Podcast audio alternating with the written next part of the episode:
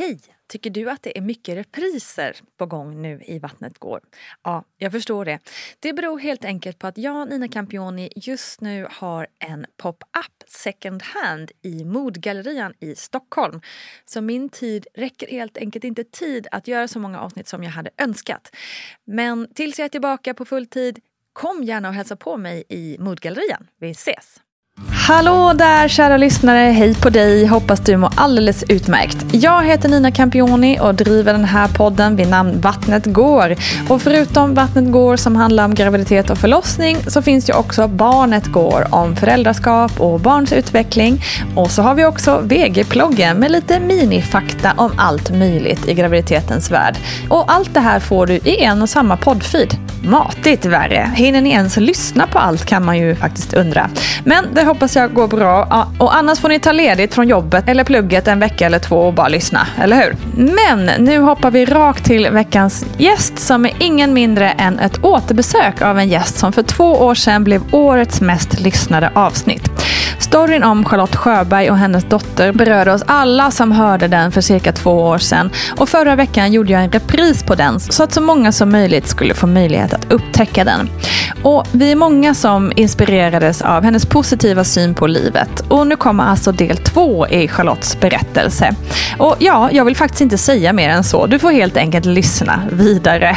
Här kommer Charlotte Sjöberg.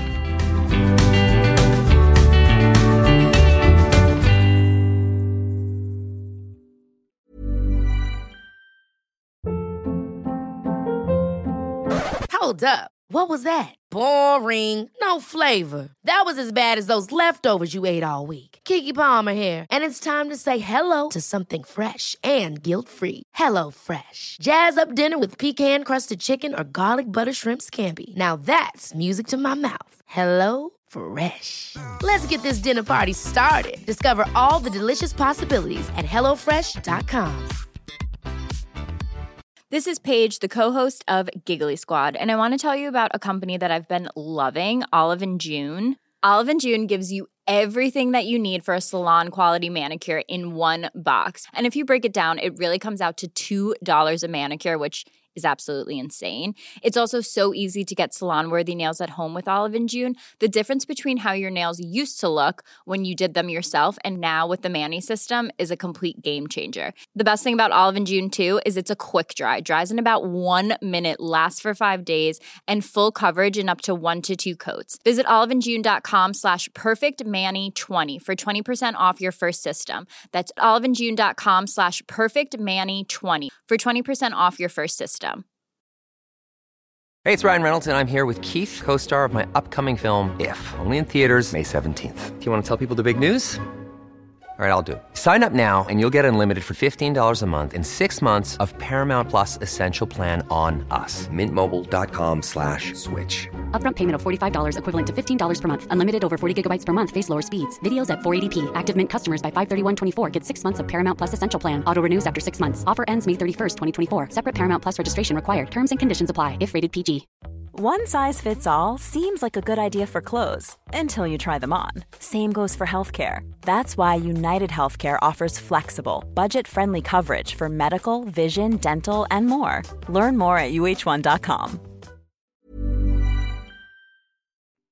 Charlotte, nu sitter vi i ditt kök igen, typ ett och ett halvt år senare än sist. Nu har vi en liten ammande Juni som sitter vid ditt bröst. Ja, precis. En lilla syster här. Vilken grej. Ja, hon är fem veckor idag. Det är så här, du har ju varit med i podden tidigare. Ja, Då, eh, det är faktiskt ett av de mest lyssnade avsnitten ska jag säga. är det så? Eh, I poddens historia. Så det är Gud vad en kul. fanfar.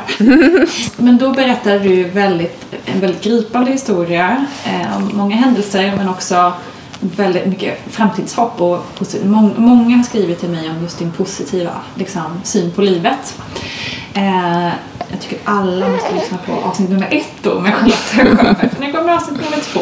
Men vi kan väl eh, avslöja i alla fall att du är rullstolsburen efter en olycka. Att eh, Alisas pappa dog strax eh, efter att ni fick veta att du var gravid. Precis. Så det har hänt mycket i ditt liv, minst sagt. Ja. Och nu är du då självstående mamma till två barn. Ja, så är det. Ta och fokusera lite extra då på juni. Ja. För vad var det som gjorde att du... För nu blir det lite så här, nu kommer jag spela lite djävulens advokat här. Ja, vad var absolut. det som gjorde att du, liksom då, om man ska, om man ska vara liksom lite elak, trots att du var ensam, eh, trots att du var självstående, rullstolsburen och liksom redan hade en, en liten, en, ga- en ganska liten tjej, eh, ändå gick i de här tankarna kring syskon. Ja. Ehm, men jag tror att jag hade ända sedan Alicia föddes hade jag nog någon längtan efter ett barn till. Eh, det är väl ren biologi tror jag nästan. Eh, som kvinna. Eh, och dessutom så kände jag väl även för Alicias skull att jag ville ge henne ett syskon. Alltså det här med att jag sitter i rullstol och har fysiska hinder som gemene man inte har. Det är ju ingenting som jag... Det är ju något jag har levt med nu eh, ett bra tag och det är väl ingenting jag egentligen... På gott och ont så är det ingenting jag tar med sådär, hm, ska jag göra... Jag kanske tänker för lite på det, jag vet inte riktigt. Men, eh, men så är ju... Hur ska jag formulera det här?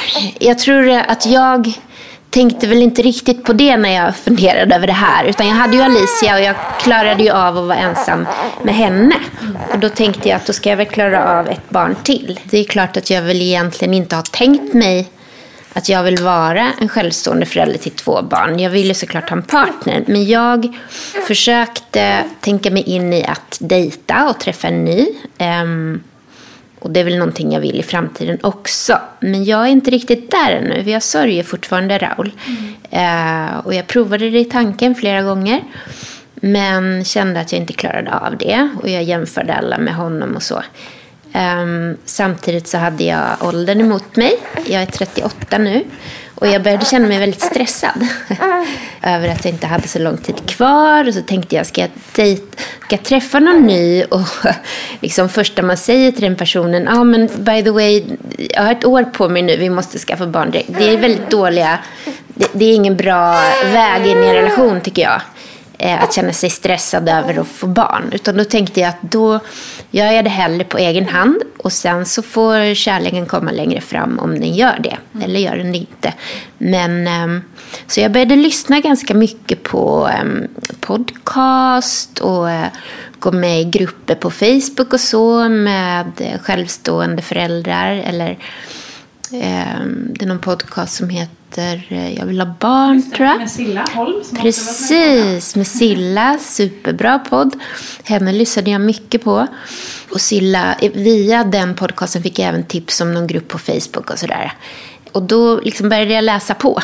Men ju mer jag läste på, desto mer insåg jag också att Alltså jag blev så stressad. Det kändes nästan som för varje månad så minskade oddsen att kunna få barn. Det där är ju så olika. Men, ehm, men jag kände mig stressad. Och det här var alltså för ett år sedan ungefär som jag började gå i de här tankarna. Eh, Så jag läste på och så. Och sen så bestämde jag mig förra nyår, det vill säga när 2020 skulle starta. Då tänkte jag att 2020 ska bli en ny start. Det ska bli ett sånt bra år. Fantastiska 2020. Eller hur? Jag ska ta körkort, jag ska skaffa ett syskon. Jag skulle så mycket så det var inte klokt. Och jag gjorde i och för sig båda de sakerna det här året. Men det blev ju också ett, eh, ett väldigt annorlunda år. Men då bestämde jag mig och sen, ehm, ja, på den vägen är det. Det gick mycket fortare än vad jag trodde.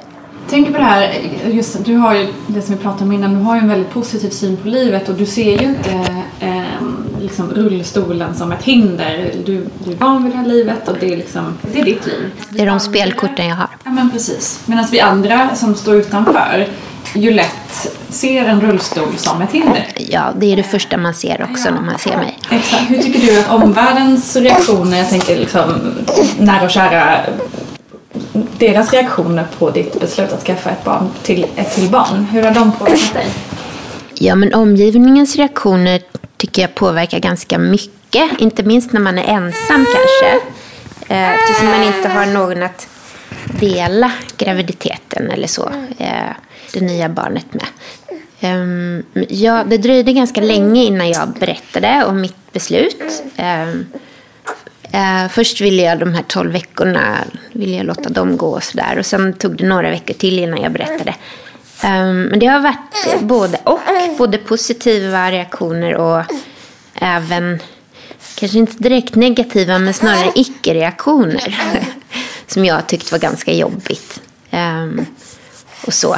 Som gravid, i alla fall när jag har varit gravid så har jag liksom velat um, Ja men du vet när man är gravid så är det ju en så stor del av ens liv. Man vill dela det med folk och man vill glädjas och man vill kanske ehm, dela bilder från ultraljud eller eh, fundera över namn eller, eller planera och sådär. Men jag, jag tyckte att det har varit eh, eh, påverkat mig ganska negativt under graviditeten att jag har fått en del eh, hur ska jag kalla det, icke-reaktioner mm. från en del familjemedlemmar och sådär. Det har varit väldigt jobbigt. Just när man berättar en sån sak då vill man ju få liksom såhär Åh! Ja, grattis vill man gärna få. Grattis. Liksom.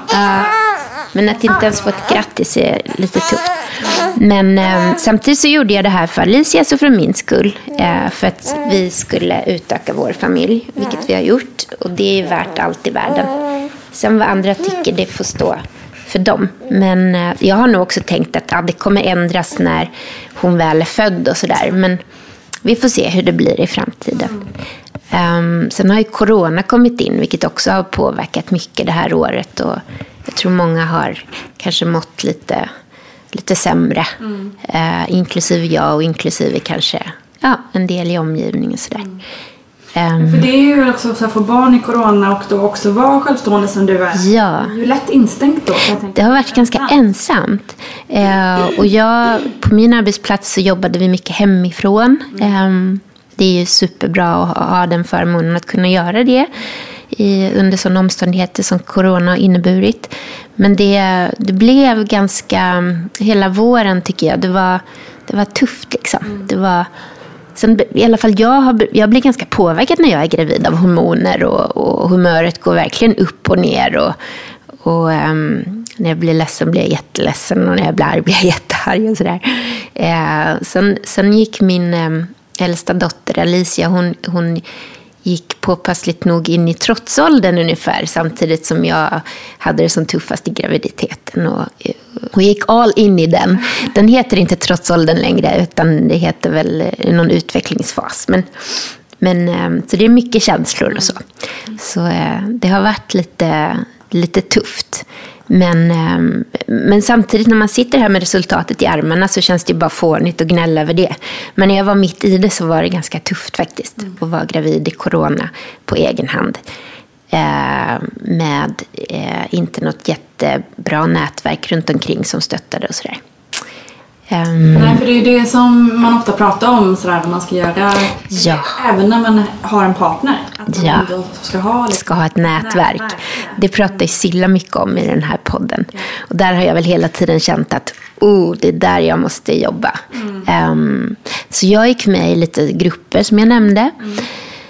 Eh, mamma på egen hand och sådär heter det bland annat på Facebook. Och via den och via lite kontakt det här i om, närområdet och så, så har jag liksom eh, skaffat en del nya vänner som känns väldigt värdefulla. Mm. Dels andra som har eh, också skaffat barn på egen hand, men jag har även liksom börjat hänga en del med ja, eh, personer jag lärt känna via Alicias förskola och sådär. Mm. Så jag har liksom startat ett litet nätverk här i närområdet. Mm. Eh, och det känns väldigt bra. Mm.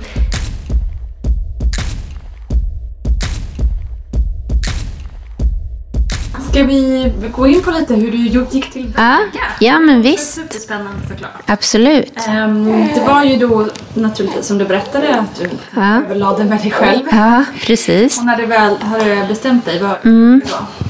Först så tror jag att jag googlade vilka kliniker som finns. Och då förstod jag att det finns ju egentligen två alternativ. Antingen gör man i Sverige eller så vänder man sig utomlands. Mm. Eh, har man inte barn sedan tidigare så kan man ju få det finansierat via landstinget. Mm. Jag hade ju barn sedan tidigare och då får man bekosta det själv.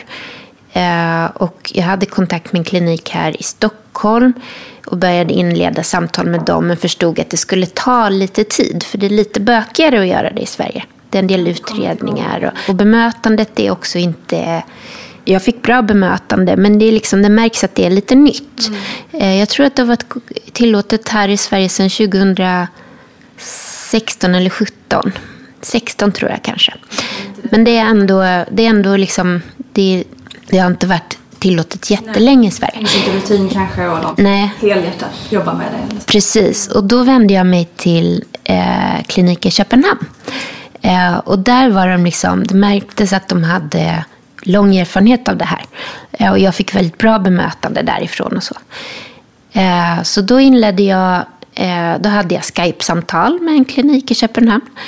Eh, och vi pratade lite om mina familjeförhållanden och sådär. Jag hade ju då en dotter sedan tidigare och jag berättade om min bakgrund och så. Eh, och sen fick jag börja klocka ägglossningen. Det hade jag inte så bra koll på tidigare, men jag fick stenkoll på det där och räkna dagar och, och så.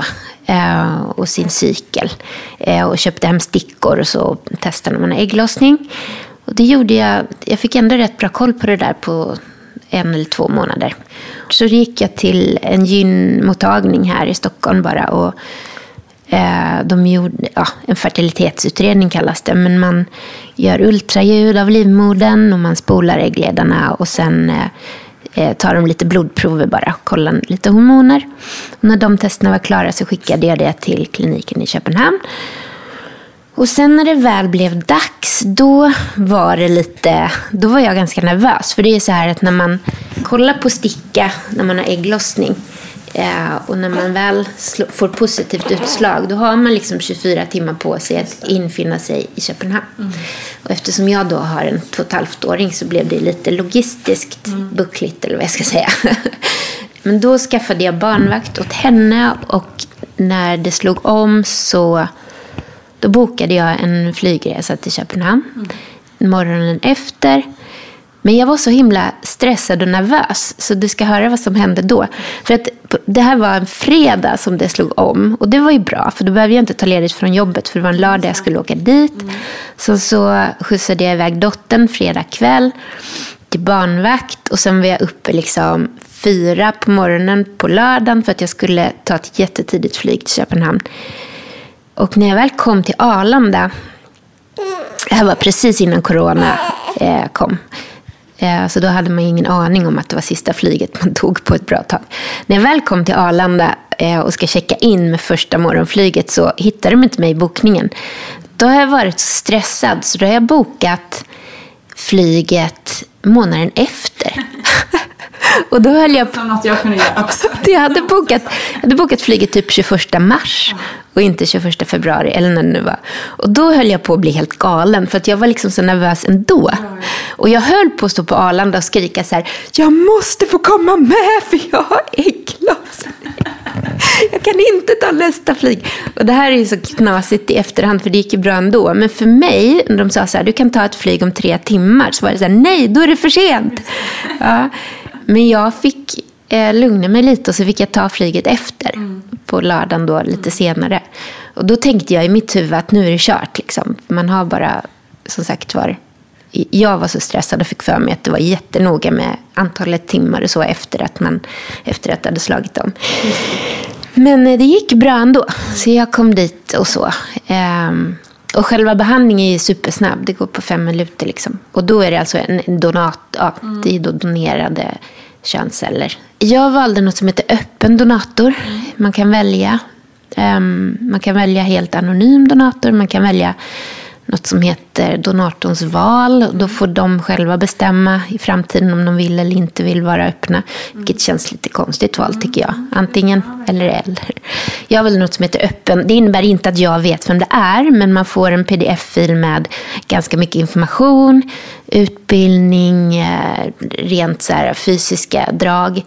Um, familjehistoria, rent liksom genetiskt. Um, även där utbildning och uh, ålder och uh, eventuella sjukdomar i släkten mm. och allt sånt där. Och sen är det ganska mycket intervjuer. De får fråga, svara på ganska mycket frågor, vilket jag tycker är bra. Så man får en hyfsat bra bild på personlighet och uh, värderingar och intressen och arbete och sådär. plus lite bebisbilder också. Sån valde jag och det innebär att när barnet blir 18 så kan hon, eh, om hon vill, ta kontakt. Och det var väl det som var avgörande för mig. Jag tycker att det har hon rätt till. Eh, jag kan inte frånta henne möjligheten att ta reda på sitt ursprung om hon vill när hon blir vuxen. Så jag valde öppen donator. Eh, och ehm, ja, sen åkte jag hem och hoppades på det bästa och det tog sig då alltså på första gången. Så, så för mig så var det en, en ganska enkel resa. Eh, med det sagt så vet jag många som försöker väldigt länge. Eh, Så är det. Men det är också jättehärligt att det kan gå smidigt. Ja, jo men precis. Och bara några veckor efter det där så bröt ju corona ut. Och jag tänkte i efterhand att hade det inte tagit sig på första försöket så tror jag inte att eh, jag, hade, jag hade i alla fall inte fortsatt då. Nej, just det. Du har inte suttit här nu i alla fall. Nej, precis.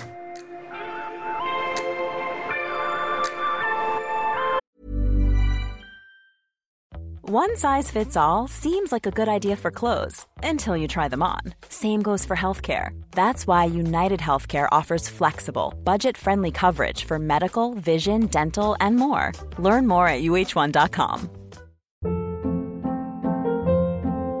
Hold up. What was that? Boring. No flavor. That was as bad as those leftovers you ate all week. Kiki Palmer here, and it's time to say hello to something fresh and guilt-free. Hello Fresh. Jazz up dinner with pecan-crusted chicken or garlic butter shrimp scampi. Now that's music to my mouth. Hello Fresh. Let's get this dinner party started. Discover all the delicious possibilities at hellofresh.com. Imagine the softest sheets you've ever felt. Now imagine them getting even softer over time. That's what you'll feel with Bowl and Branch's organic cotton sheets. In a recent customer survey, 96% replied that Bowl and Branch sheets get softer with every wash. Start getting your best night's sleep in these sheets that get softer and softer for years to come. Try their sheets with a 30-night guarantee. Plus, get 15% off your first order at bowlandbranch.com. Code BUTTERY. Exclusions apply. See site for details. Hey, it's Paige DeSorbo from Giggly Squad. High quality fashion without the price tag. Say hello to Quince. I'm snagging high-end essentials like cozy cashmere sweaters, sleek leather jackets, fine jewelry, and so much more. With Quince being 50 to 80% less than similar brands. And they partner with factories that prioritize safe, ethical, and responsible manufacturing. I love that. Luxury quality within reach. Go to quince.com slash style to get free shipping and 365 day returns on your next order. Quince.com slash style.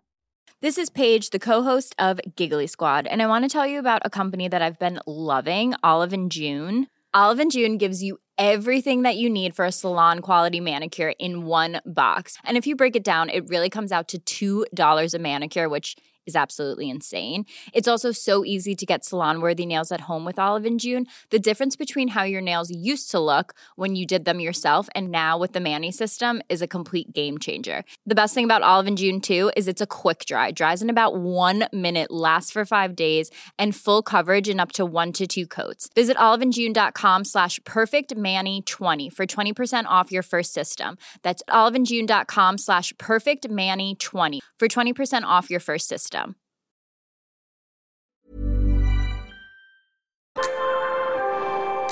Vad var känslan när du kissade på stickan?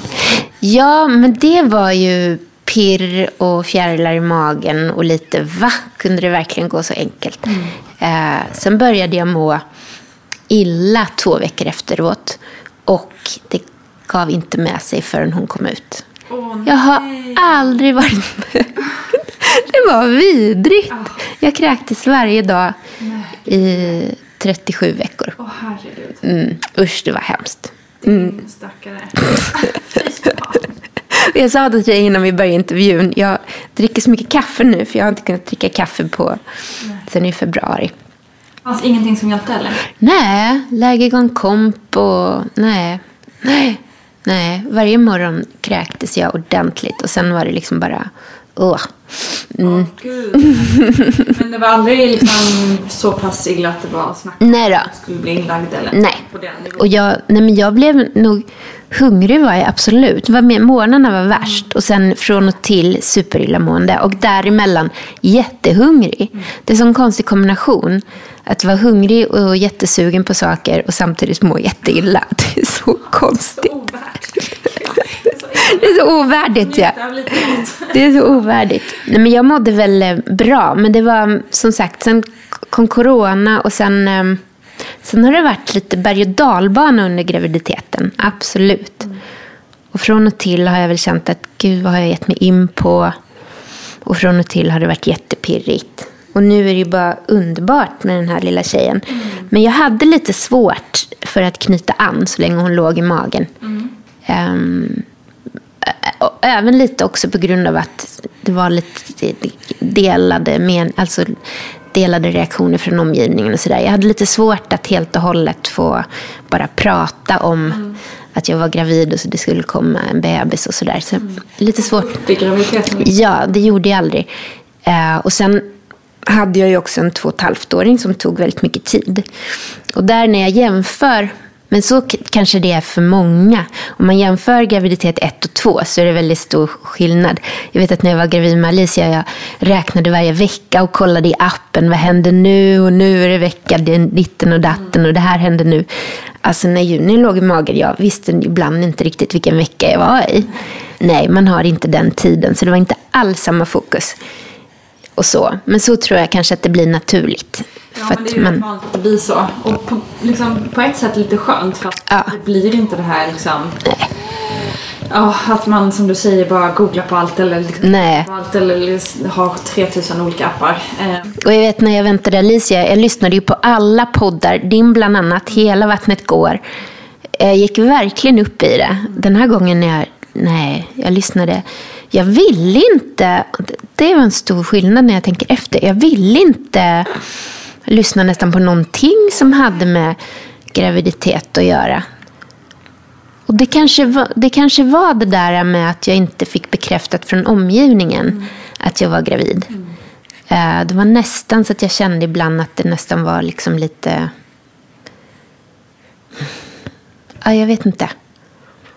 Um, att det inte liksom riktigt var okej. Usch, jag vet inte riktigt. Jag har svårt att sätta ord på det. Mm. Men jag... Det var på riktigt? Nej, eller inte okej. eller sådär. Men um, nej, så jag gick inte alls upp i det på samma sätt. Men däremot så funderar jag mycket på liksom hur det är att, att ha syskon. Och något som känns häftigt nu är ju att att vi är liksom en familj. Vi var en familj innan också. Jag och Alicia var ju en familj. Fast det känns mera som en familj att vara tre. och när jag tänker efter så, när jag växte upp. Jag växte upp med en ensam eh, självstående mamma. Och vi var två systrar. Som, jag har fler syskon, men vi var två systrar som bodde hemma samtidigt. Så vi var tre tjejer. Mm. Och nu blir vi samma.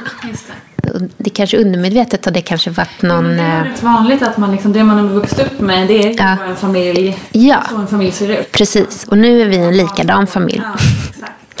Det känns härligt. Det är också en känsla, jag tycker också det när man fick liksom, det andra barnet, att det blev lite mer en känsla av en tribe eller vad man ska säga. Ja. Det var lite mer av en, en grupp som är tillsammans. Liksom. Ja, ja, precis. Och Alicia pratar jättemycket just nu om att det här är vår familj, det här är min familj. Hon pratar jättemycket om det. Så jag tror att hon också, äh, känner, också det. känner det lite. Mm. Sen har jag funderat ganska mycket på hur jag ska göra med Juni i framtiden. För att Alicia har ju en pappa, mm. eh, Raul. Och jag har ju varit ganska noga med att prata om honom och, och vi gör det fortfarande. Och hon, just nu pratar hon mycket, det är nog, hör nog åldern till. Hon frågar mycket, vad heter min pappa, vad heter min morfar, vad heter min ditten och datten och sådär. Eh, olika familjemedlemmar. Och då har jag funderat på hur ska jag svara dem eh, när Juni blir så gammal. Att, att um, jag har inte riktigt kommit fram till det ännu. Vi får se. Men Alicias farmor har tagit på sig att vara farmor för dem båda. och det tycker jag känns fint. Mm, det är fantastiskt. Ja. Och hon har också sagt att hade Raul funnits kvar så hade, så hade ju det hade det inte varit exakt det här barnet. Men då hade liksom eh, han varit pappa till mm. ett andra barn. Mm. Så på ett sätt kan jag tycka att han kanske kan få, Juni kanske kan få ha pappa i honom också på sitt sätt. Ehm, ja, vi får se hur det blir med den saken. det blir nog bra Mm. när man pratar, tänker jag. Ja, men precis. Det viktiga är nog att man är öppen och berättar tidigt för dem och sådär. Eh, tror jag. Det tror jag också. Jag tyckte det var svårt att förbereda för att det var mitt i corona. Eh, juni kom den 3 november. Och eh, det var ju när corona hade tagit fart igen. Så det var så svårt att planera. Ehm, Ehm, men jag... Eh, det viktiga för mig var väl egentligen att se till att Alicia hade det bra under tiden. Rent liksom logistiskt. Eh, så min mamma kom upp eh, och hade, eller jag kan börja med att säga, det var ganska tufft när jag var höggravid. För att Alicia fick, corona innebär ju också att man får vara hemma från förskolan så fort man har en, en snorkråka i näsan. Med all rätt i och för sig. Men, så att jag var hemma och vabbade väldigt länge med henne och det var jättetufft. Eh, när jag själv var höggravid och hade ganska ont. Så det slutade med att Alicia fick åka ner lite grann till sin mormor i Skåne. Och sen så kom de upp när det var dags. Och då var de här hemma och jag åkte in och födde. Och jag födde ensam. Eh, det var helt okej. Det var lite självvalt. För jag kände inte att det fanns någon glasklar person jag ville ha med mig. Det hade väl i och för sig varit bra. Men, men det tog ganska lång tid med Alicia. Och jag kände att för att under corona så får man bara ha en person som kommer och den personen måste stanna. Och får inte gå och får inte komma tillbaka. Så jag kände att det fanns liksom ingen som kunde... Okej, du får vara här men du får vara här i två dygn med mig. Nej. Så det var svårt. Så därför så gjorde jag det själv.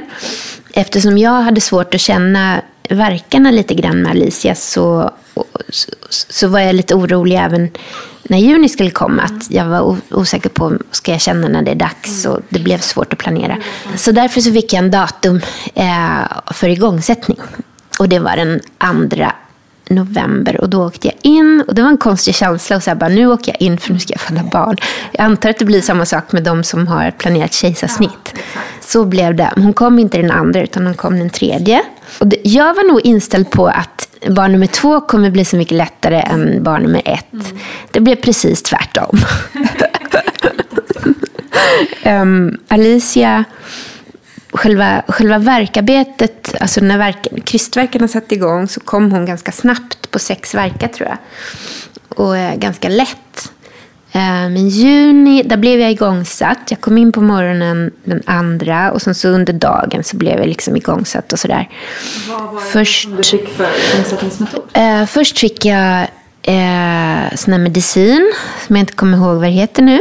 Var det sån här shot eller? Ja, först eh, shots, eller tablett. Men det spelar ingen roll. Trots att det är så nära i tid, det är bara fem veckor sedan. Eh, under dagen så fick jag det och sen så väntade man på att det skulle hända grejer. Och det hände ganska mycket där och jag öppnade mig. Och det såg ganska bra ut och jag tänkte att ja, hon kommer innan midnatt liksom. Eh, men sen så stannade det upp. Men sen, sen var jag helt öppen jättelänge. Och jag krystade aktivt väldigt länge. För länge visade det sig. För när morgon, hela den natten så höll jag på. Och, eh, och det var så jobbigt för att varje gång jag krystade så sa de så här, vi ser huvudet, nu kommer hon. Och du vet när man hör det, då tänker man så här, ja! Och sen så tar man i för allt man är värd. Och så kom hon ändå inte. Och jag höll på så länge. Gud en hel natt liksom. Ja, eller jag höll inte på krysta en hel natt. Men eh, jag hade riktiga, riktiga verkar hela natten. Och det gjorde så ont. Och då var jag mest ensam på rummet för att jag tyckte inte så mycket om den barnmorskan. Så jag sa till dem hela tiden. Jag ville vara ensam. Så jag hade min lustgas och sen så hade jag verkar och så låg jag och bara... Usch, jag tyckte det var kivens jobbigt. Eh, Inte byta barnmorska. Inte under dagen hade jag jättebra barnmorskor. Hoppas inte den barnmorskan lyssnar nu som jag hade. Men sen då den som bytte av till natten. Jag tyckte det klickade inte riktigt. Så då var jag mest ensam och så hade jag verkar. Men sen någon gång där vid tre på natten. Då började jag få krysta aktivt. Tre, fyra. Och sen gjorde jag det ända till morgonen. Och det är tydligen inte bra att vara öppen helt så länge. Nej. Eh, så när morgonen kom, då bytte de av och så kom en läkare och så sa hon så här kan vi inte ha det längre. Och då sa hon att det blir snitt, men vi provar en gång först med sugklocka. Um, men då visade det sig att, då, för då var ju hon så långt nere. Och snitten när någon är så långt nere, det är, det är lite svårt. Mm. Så tack och lov så gick det med sugklocka på första försöket. Mm för först när hon sa sugklocka så blev jag rädd. Nej men usch, jag blev Först tänkte jag usch inte sugklocka för jag har hört så mycket negativt om det och huvudet blir som ett ägg och allt vad det nu är. Ja, den ser ganska otäck ut. Det ser ut som något ifrån eh, du vet, ja, ja, men precis. Eller från den här barnmorskan i East End, vilket jag har tittat väldigt mycket på. Um, men, men jag hade inte så mycket val där och då. Jag tänkte bara, må det gå med det, för jag vill inte bli akutsnittad. Mm. Man har jobbat så länge med Ja, liksom. precis. Och så ska man snittas. Men då hade jag bara så ont och det kändes som att ungen kommer inte ut. Hon sitter fast, tänkte jag. Mm. Um, men de, det behövdes bara ett litet lätt tag med den där sugklockan. Och sen så krystade jag ut henne själv. Uh, så det blev liksom ingen märke och det blev ingenting på huvudet eller någonting. Så det gick faktiskt jättelätt sen när jag väl fick lite hjälp. Men tydligen tror jag att det var så att krystverkarna var för svaga.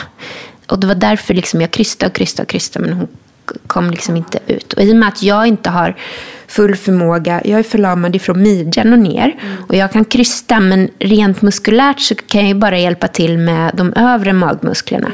Så jag kan ju inte hjälpa till lika mycket som, som ni kan. Mm. Och då är det väl viktigt att livmodern också gör jobbet. Och då var väl de verkarna lite för svaga. Mm. Men när hon väl var ute så är ju det där jobbet som, du vet, man glömmer bort så fort. Uppenbarligen glömmer jag på fem veckor.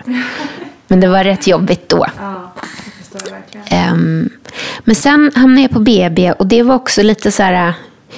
Första gången var det mysigt att ligga på BB och bara bli lite ompysslad och få stöd. Men jag ville bara hem till Alicia. Mm, mm. För hon fick ju inte komma och hälsa på. Nej, det, en speciell tid. Ja, precis. Mm. Och man fick inte ta emot något besök på BB och sådär.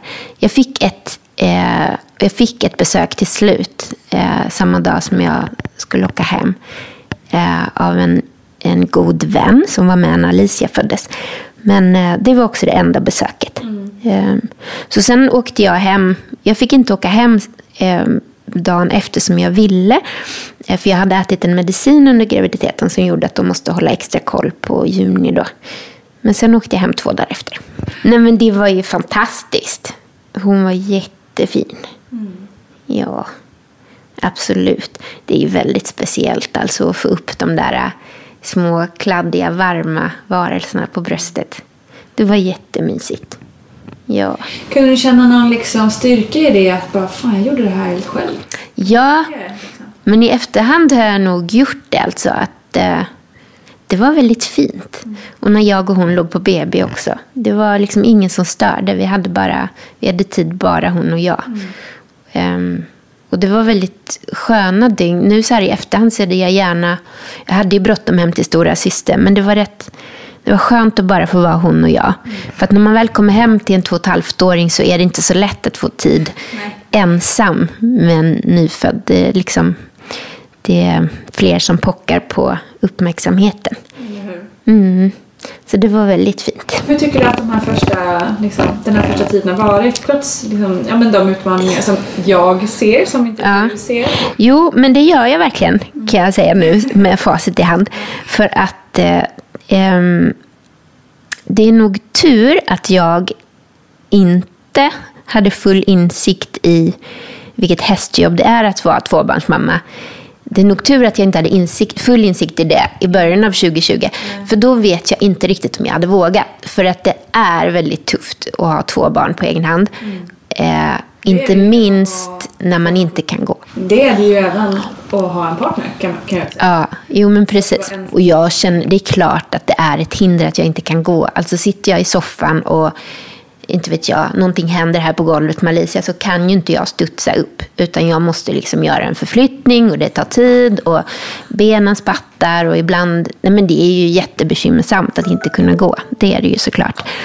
Eh, och jag känner väl av min funktionsnedsättning mer än nu när jag har fått barn än vad jag gjorde innan jag fick barn. Absolut. Och Alicia är i trotsåldern och hon vill inte som jag och jag kan inte lyfta upp henne på samma sätt som man kan när man kan gå. Och eh, det är jättetufft emellanåt. Och på natten vaknar hon och plötsligt vill hon ha vatten och jag ligger och ammar Juni och jag kan inte resa. Alltså det är klart att det är krångligt. Men... Tider pandemin härjar, man kan inte... Nej, man kan inte få hjälp och sådär. Uh, och handla är krångligt. Och, um, de positiva grejerna överväger, absolut. Det är helt fantastiskt.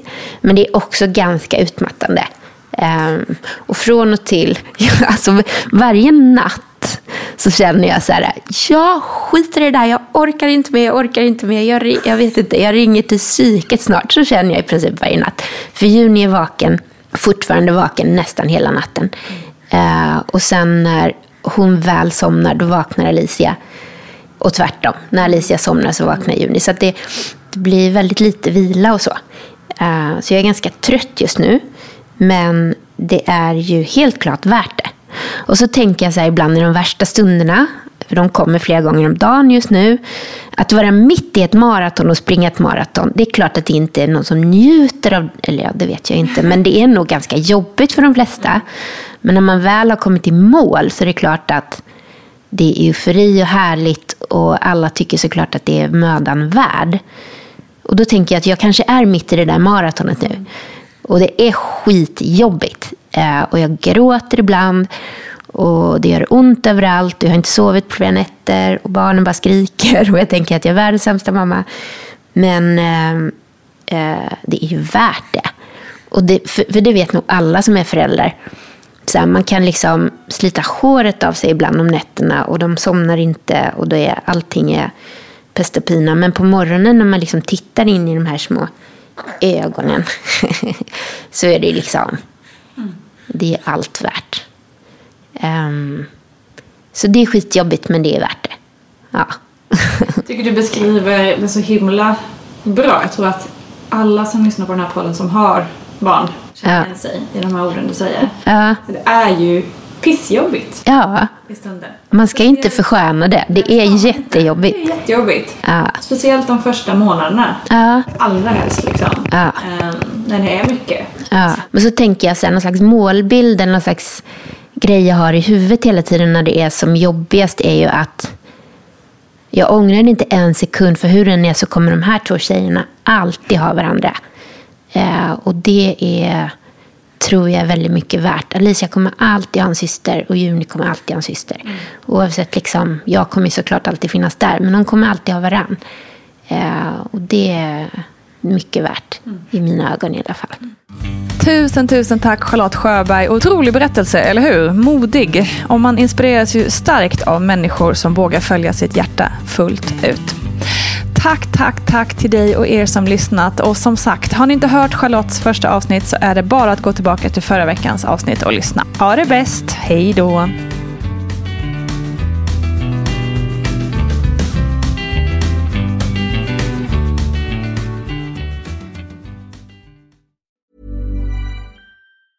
Have catch yourself eating the same flavorless dinner three days in a row? Dreaming of something better? Well, HelloFresh is your guilt-free dream come true, baby. It's me, Gigi Palmer. Let's wake up those taste buds with hot, juicy pecan-crusted chicken or garlic butter shrimp scampi. Mm. Hello Fresh. Stop dreaming of all the delicious possibilities and dig in at HelloFresh.com. Let's get this dinner party started. Planning for your next trip? Elevate your travel style with Quince. Quince has all the jet setting essentials you'll want for your next getaway, like European linen, premium luggage options, buttery soft Italian leather bags, and so much more. And is all priced at 50 to 80% less than similar brands. Plus, Quince only works with factories that use safe and ethical manufacturing practices. Pack your bags with high-quality essentials you'll be wearing for vacations to come with Quince. Go to quince.com/pack for free shipping and 365-day returns. Imagine the softest sheets you've ever felt. Now imagine them getting even softer over time. That's what you'll feel with Bowl and Branch's organic cotton sheets. In a recent customer survey, 96% replied that Bowl and Branch sheets get softer with every wash. Start getting your best night's sleep in these sheets that get softer and softer for years to come. Try their sheets with a 30-night guarantee. Plus, get 15% off your first order at bowlandbranch.com. Code BUTTERY. Exclusions apply. See site for details.